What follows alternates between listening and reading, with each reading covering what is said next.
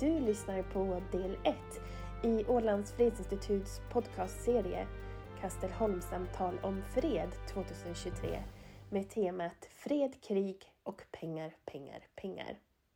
Dagens podd presenteras i samarbete med Ålands landskapsregering.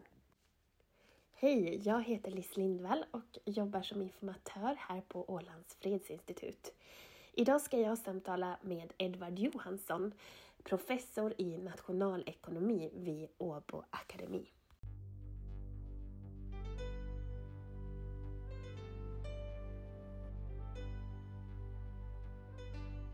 Hej Edvard och välkommen till vår podd. Berätta först, vem är du? Edvard Johansson heter jag. är professor i nationalekonomi på Åbo Akademi. Okej. Boende i Mariehamn. Precis. Vad innebär det att vara professor i nationalekonomi?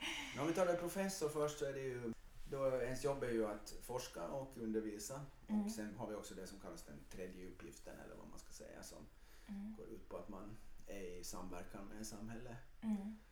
Och, eh, och nationalekonomi, ja det ska vi kanske tala mer om här. Ja. Men det är ju liksom sam- samhällsekonomi egentligen. Precis. Hur kom det sig att du blev intresserad av det här?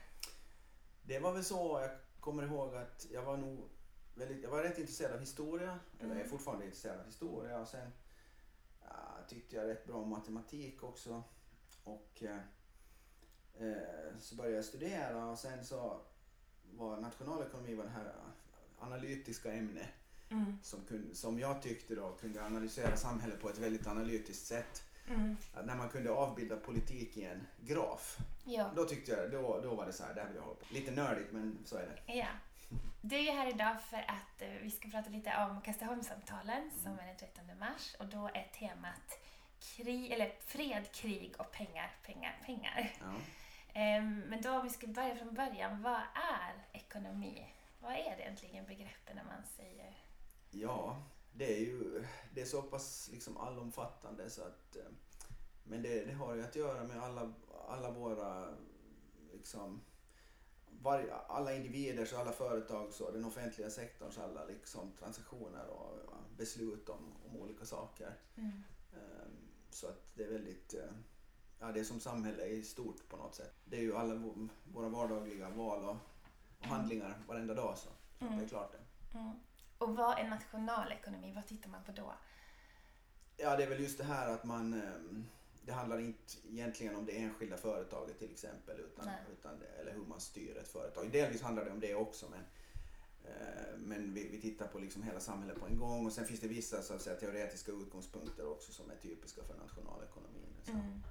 liksom, man utgår ifrån en, eh, den rationell, ett rationellt beslutsfattande. Mm. Och, se, och så ser man hur långt man kommer med det. Liksom. det det, ibland går det bra, ibland går det mindre bra. Om vi Mm. så, i, i, i liksom funderandet om Mm. ekonomi. Ja. Mm.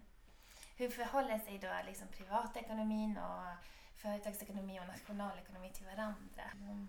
Nej, jag skulle säga så här att, att egentligen så det, det har att göra lite med, med det här teoretiska angreppssättet om vi säger som så. Att nationalekonomi som ämne så, så är både svårt och enkelt. Enkelt är det att det finns egentligen då en viss utgångspunkt, det vill säga man utgår ifrån att folk gör, folk då menar jag individer och Mm. företag gör vad vi kallar för rationella val. Mm. Och, och det här. Och så analyserar man liksom allting Mm. utgående från det. Mm. Eh, och ibland som sagt, ibland går det bra, ibland går det inte så bra. Nej. Och det är det som är den stora fördelen med nationalekonomi som ämne, att det är väldigt liksom straightforward på det viset. Den, den teore- teoretiska utgångspunkten är ganska enkel. Mm. Eh, sen blir det ju förstås liksom lite galet ibland då när man, det finns saker och ting som man kanske försöker analysera men som inte låter sig analyseras så lätt utgående från ett sånt Nej. perspektiv. Och sen finns det också förstås nyare forskning och nyare ansatser där man liksom börjar titta på gränserna för det rationella beslutsfattande så att säga. Att, att folk är kanske inte, alltså den här, det här hur folk beter sig inte så, inte så enkelt alla gånger. Om man liksom tittar på det. Men det är lite sådär. Mm. eh, Så det är viss psykologi där också? Naturligtvis, Mm. alltså jag skulle säga att nationalekonomi och psyk- psykologi påminner om varandra ganska Sen det här med, med privatekonomi och företag och hela landet så utgående från de här, liksom, den här teoretiska utgångspunkten man analyserar liksom, företagsbeteende, vad företag gör Mm. och vad individer gör vad, vad sen har det för liksom, konsekvenser för, hela, Mm. för alltihopa så att säga. Mm. Vad är din spontana tanke då när du hör vårt tema krig, eh, fred, krig och pengar, pengar, pengar. Hur hör det där ihop? Ja, min första tanke är väl det att det här med krig och fred så det är ju ganska marginellt vad, vad jag liksom egentligen eh, så att säga som, som utgående från mitt ämne och min bakgrund och vad jag, vad jag håller på med så är jag inte någon stor expert på de frågorna. Nej. Men att eh, det är klart att det finns ju naturligtvis, det är helt självklart att det finns eh, eh, att det finns liksom skärningspunkter Mm. och det här. Och jag menar det finns ju sådana som analyserar krig utgående från ekono- nationalekonomiska premisser och så vidare. Och det, här, det är ju klart att, att liksom att till på ett sätt kan man ju kalla ett krig, det är ju stöld. Mm. Det är ju ett sätt att se på saker och ting. Mm. Och det är ju inte liksom, om man tänker att vad är en transaktion eller en, en, någonting i, i, i- ekonomin som är som handel alltså. Mm. Vad är handel? Mm. Och handel är ju det att båda parter frivilligt byter saker egentligen med varandra. Ja. Så det enklaste exemplet är till exempel om jag går ner till går ner till, till Mattishallen och köper en banan som säger, låt oss säga att det kostar 50 cent. Mm. Det, då är det så att jag, eftersom jag köper den där bananen så värderar jag ju den till mer än 50 cent. Jo. Och den där butiken som säljer den värderar den till mindre än 50 cent. Mm. Men det är, helt, det är helt frivilligt för mig att gå och köpa den där bananen. Jag behöver inte göra det om jag inte vill. Och det är helt frivilligt för butiken att sälja den där bananen. De behöver inte göra det om de inte vill. Men Nej. eftersom vi, vi båda vinner på den här transaktionen så blir den av. Jo. Och det är en sån här ganska fundamental grej. Men om vi tänker på krig så är det ju, då är vi ju, då är vi ju liksom, bryter vi ju mot den här så att säga saken. För att den ena parten då med våld tar någonting som den andra parten har. Mm. Så det är inte handel i alla fall. Nej. Utan det, det är ju liksom någonting annat då. Mm. Men när man pratar om liberala ekonomin, är det inte en teorin man lite haft att om man gör handel med varandra så blir det inte krig? Ja, jo, det, är väl, det, är väl, det här är ju väldigt intressanta saker det här och där, där tror jag ju att många, många vi i Västeuropa har haft alldeles fel när det gäller Mm. Ryssland. Det är ju bara att erkänna det. Att, liksom att många har ju trott att om vi, om, vi, om vi handlar med Ryssland och utvecklar ekonomin på det viset att vi köper saker från dem och säljer saker till dem Mm. så är det liksom ekonomiskt vansinne att så att säga börja kriga för då tappar man ju den här handeln. Och som jag just sa så handel är ju en, det är något som båda parter gynnas av Mm. På grund av att det är frivilligt och den ena värderar en sak högre än den andra och så kan man byta Precis. och betala. Ja. Och det där är ju då, eftersom det då skulle gynna båda parter så skulle man ju tänka sig att den ena parten är ju då helt ointresserad av att sluta. Eh, Så liksom om man tänker ur så att säga som ett ekonomiskt perspektiv, det är ju totalt vansinne att liksom börja kriga på det, det viset. Kan man se då hur, hur påverkas ekonomin av krig? Ja, det är ju, det är ju uteslutande negativt alltså. Mm. Eh, Det är ju klart liksom att jag menar om man tänker att, att liksom äh, saker och ting förstörs och det där och jag menar man har människor dör och så, eh, infrastruktur förstörs och massa saker förstörs. Det är ju liksom vad är, vad är nyttan med det ur ett Mm. ekonomiskt perspektiv? Absolut ingenting. Nej. Nej. Och det här som pågår nu då, eh, upprustning och en Mm. rädsla som finns. Eh, vad, vad tänker du kring det? Kan man se nationalekonomiska effekter nu? Ja, no, man, man kan ju räkna, alltså vi vet ju att eh, det talas ju mycket om 2% av BNP som går till militärutgifter. Mm. Eh, Då kan det ju vara liksom, vi vet Finlands BNP ligger väl på en 200 miljarder euro så att 1 procent av BNP är 2, 2 miljarder euro. Så Mm. då kan man tänka att om man höjer, höjer de här försvarsutgifterna så, så är det ju, det går att säga hur mycket pengar det är Mm. förstås. Mm. Och, och det där. Och sen försvarsutgifterna är väl så att ur ett, ur ett ekonomiskt perspektiv, nationalekonomiskt perspektiv så kan man ju kanske se det som en slags försäkringspremie. Mm. För att eh, skulle det inte finnas risk för krig eller konflikter så skulle man inte behöva någon, någon, eh, någon armé eller, eller försvarsmakt. Nu är det inte så tyvärr. Mm. Så därför är det så att man måste ha ett försvar och det där det kostar. Att, eh, och då gäller det ju förstås, precis som man tänker ur ett ekonomiskt perspektiv så då vill man ju spendera så lite som möjligt på försvaret.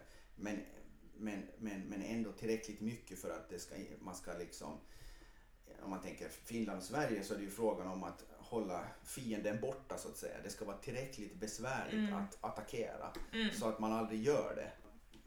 Var på en sån nivå att det är trovärdigt helt enkelt Mm. då.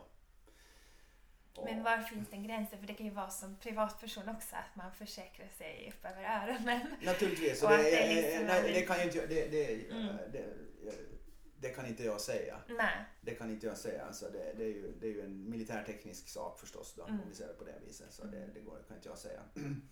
Så att, eh, men att det kan man väl säga att om man försäkringspremiens pris har gått upp på Precis. sistone. Ja. Det kan man väl säga. På grund av att risken för konflikt har liksom, brandrisken om man nu tar, Mm. betalar hemförsäkring så, så har ökat. Mm. Okej, så då måste man satsa mer helt Mm. enkelt. Och, och det här, det är ju klart att, att eh, det är väl en av de viktiga lärorna inom nationalekonomi, nästan det allra första är det här eh, det som vi kallar för budgetrestriktion. Mm. Eh, Budgetrestriktion betyder ju det då att det finns en viss mängd pengar att använda Ja. vid varje given tidpunkt. Och Ja. Om man nu tänker att statens budget är ju på ett vis en slags restriktion, budgetrestriktion. Alltså Ja. det, eh, och det betyder att satsar man mer på försvaret så det här måste, då måste man få de där pengarna någon annanstans ifrån. Vilket är ju förstås då, då måste man ta från någonting annat. Mm. Och det här är ju sådana avvägningar då som man hela tiden måste göra. Det är ju politikernas liksom ja. vardag egentligen då. Mm.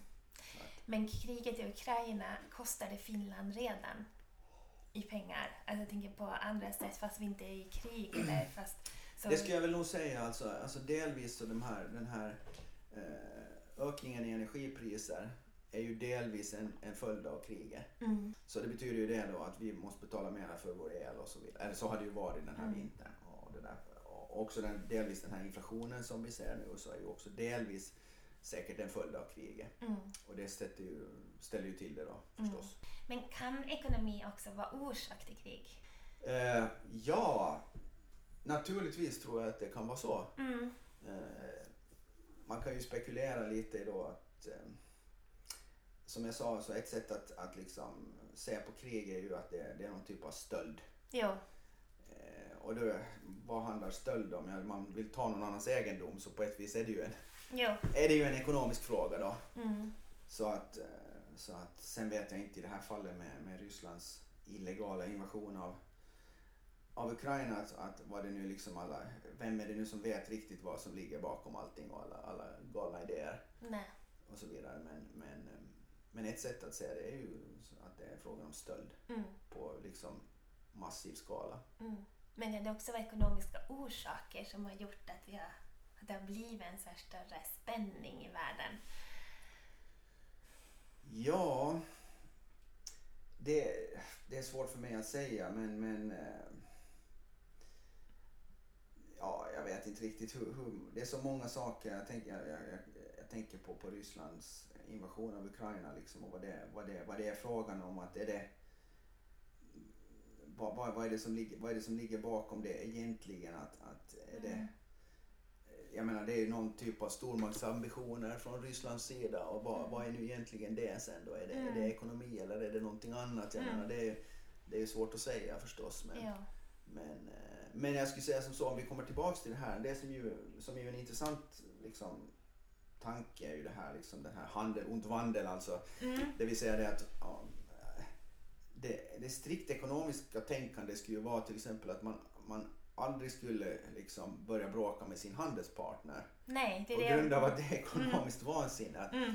att, att eh, skulle man tänka strikt ur ett strikt ekonomiskt perspektiv skulle man ju aldrig stänga av, liksom, om du har en betalande kund, varför skulle du stänga av liksom, gaskranen till din betalande kund? Nej. Det är ju liksom bortfall av intäkter, det är ju Mm. totalt vansinne. Mm. Så ur, den, ur det perspektivet så är det ju någon, det är någon annan typ av liksom, eh, tänkande som, som ligger bakom det där. Mm. Och där har vi ju förstås det, det som jag sa tidigare att vi har, ju- vi har ju varit liksom naiva i väst eh, att, när det gäller Ryssland. Vi har Mm. kanske trott att liksom att eh, det här tänkandet att okej att om vi, han, vi handlar så, så gynnar det båda parter Mm. och det är bra och då finns det, då, då är det liksom eh, det är irrationellt att liksom börja sätta det ur spel så att Mm. säga. Men, men där har vi ju haft totalt fel alltså. Mm.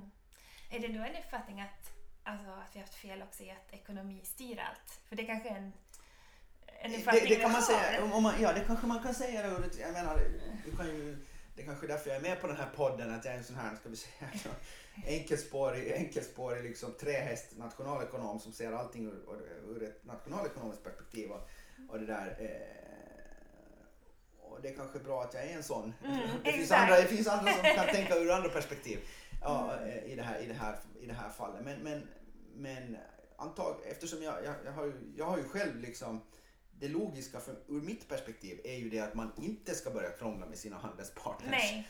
Eh, nej. För att det är dumt eh, Mm. ur ett ekonomiskt perspektiv. Liksom, det här. Eh, Men ändå, ändå har det skett så det betyder ju det att det finns någon annan typ av logik då. Eller om det nu är logik eller vad det nu är för någon slags storhetsvansinne Mm. eller whatever. Mm. Liksom, som liksom är utanför min Mm. horisont. Mm. Och som du var inne på i början, att allt går inte att kontrollera heller. Alltså i ekonomiska modeller. Eller, Nej, naturligtvis inte. Naturligtvis inte. Det finns säkert någon annan... Eh, säkert skulle man kunna få in det här i någon slags ekonomiskt eh, Mm. resonemang också. Att jag menar, eh, man har ju hört sådana spekulationer om att Putin är ju egentligen... Ur mitt perspektiv kanske så som jag funderar på det att liksom Ryssland är ju en det är ju så att säga egentligen en före detta stormakt och det där, deras inflytande eh, i världen det minskar hela tiden. Eh, och det, orsaken är den att ur ett ekonomiskt perspektiv så, så har de, de hänger inte med i utvecklingen och har inte gjort det på länge. Nej. Kanske aldrig. Mm. Och det betyder ju det då att, att liksom eh, eh, och nu kommer den här liksom energiomvandlingen i världen där vi frångår fossila bränslen Mm. Eh, och det betyder det att Rysslands ekonomi, eh, som ju är helt beroende av eh, export av fossila bränslen, gas och olja. Mm. Eh, Det betyder att efterfrågan på deras produkter minskar långsamt för att vi håller på att byta ut dem. Mm. Och det betyder det att, att, att det här i något skede så, så är det liksom game over på Mm. något sätt. Mm. Och där är det ju så att liksom det här ryska samhällssystemet det är ju så pass opålitligt så att eh, ingen vill egentligen investera där. Nej, Och okej. när, får du inga investeringar, och orsaken är ju det då att, att det här, eh, som jag sa, eh, samhället är opålitligt men det har att göra med det att liksom äganderätterna är inte väl definierade och med det menar jag att det, mitt i allt kan det komma någon, någon statlig eller någon maffiaorganisation eller någonting som mitt i allt kräver något, någonting avtal, håller inte speciellt avtal med liksom staten eller det offentliga. Och det betyder ju det eftersom investeringar till exempel i industriell verksamhet så de är otroligt långsiktiga. Vi talar decennier som ska liksom, Jo. man måste veta, det måste finnas en stabil eh, eh, en stabil omgivning så att man vet vad som ska hända under en lång tid framöver när man ska satsa på stora saker. Och eftersom det inte finns det i Ryssland så vill ingen investera. Nej. Och när man inte vill investera så då, då eh, produktions, det, det finns inga moderna produktionsanläggningar. Liksom, Nej. Man, man får inte fram några nya produkter och man kan inte konkurrera på världsmarknaden med, Mm. de, med, de, med andra företag och andra länder. Mm. Och det där. Så att eh, där i ligger liksom den långsiktiga utmaningen för Mm. Ryssland. Mm. Och nu det som man har gjort nu då genom att attackera Ukraina det betyder ju det då att, att eh, vem, vem vågar lita på Ryssland i framtiden? Nej. Nej. Så hur ska man då, hur ska man då kunna locka till sig investeringar? Mm. Ens från sina egna som har, eventuellt har pengar eller ännu mindre från utländska investerare. Mm. Man skulle kunna tänka sig liksom här i Norden så finns det ju mycket stor know-how, eh, kunskap om till exempel skogsindustri och, Ja. och sådana saker. Och i Ja. Ryssland finns det skog. Men, Mm. men vem skulle nu våga investera stort i några anläggningar i Ryssland? Nej. Och det tar, och man har ju nu liksom förstört sitt rykte Mm. för lång, lång tid framöver. Hur är det, tänker just med, nu pratar vi väldigt mycket man kan styra. Kan man styra ekonomin? Delvis, vissa saker, men, men liksom ekonomi är ju alla våra beslut varje dag och alla företags beslut varje dag om Ja, allting. precis. Liksom hur mycket, till exempel om vi tar en sån sak som arbete och inkomst och sånt där, så liksom eh, hur mycket kan staten egentligen styra hur mycket vi arbetar? Inte så jättemycket kanske. Vi kan, man kan lagstifta om förkortad arbetstid men det är ju ingenting som hindrar att man jobbar extra i alla fall. Nej. Till exempel Nej. eller så. Klart man kan, man kan beskatta på olika sätt och man kan göra olika saker och satsa på olika saker också från det offentliga. Men, Ja. men, men eh, det heter blandekonomi av en orsak. Jag tänker också kan man liksom styra ekonomin och vara mer fredlig? Oj! Det kanske är en svår fråga men ja, liksom... det, det, det,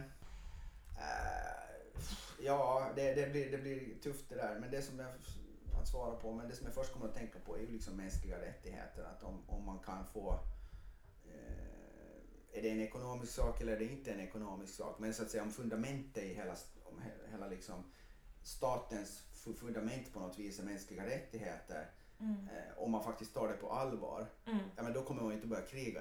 Då liksom bryter man mot sina Mm. egna så att säga Mm. idéer. Ja. Och det där. Så, så är det en ekonomisk sak eller inte? Ja, jag vet inte riktigt. Mm. Men tack Edvard för att du kom. Det var jättetrevligt och vi ser fram emot att se dig på Kastaholmssamtalen sen. Tack, tack.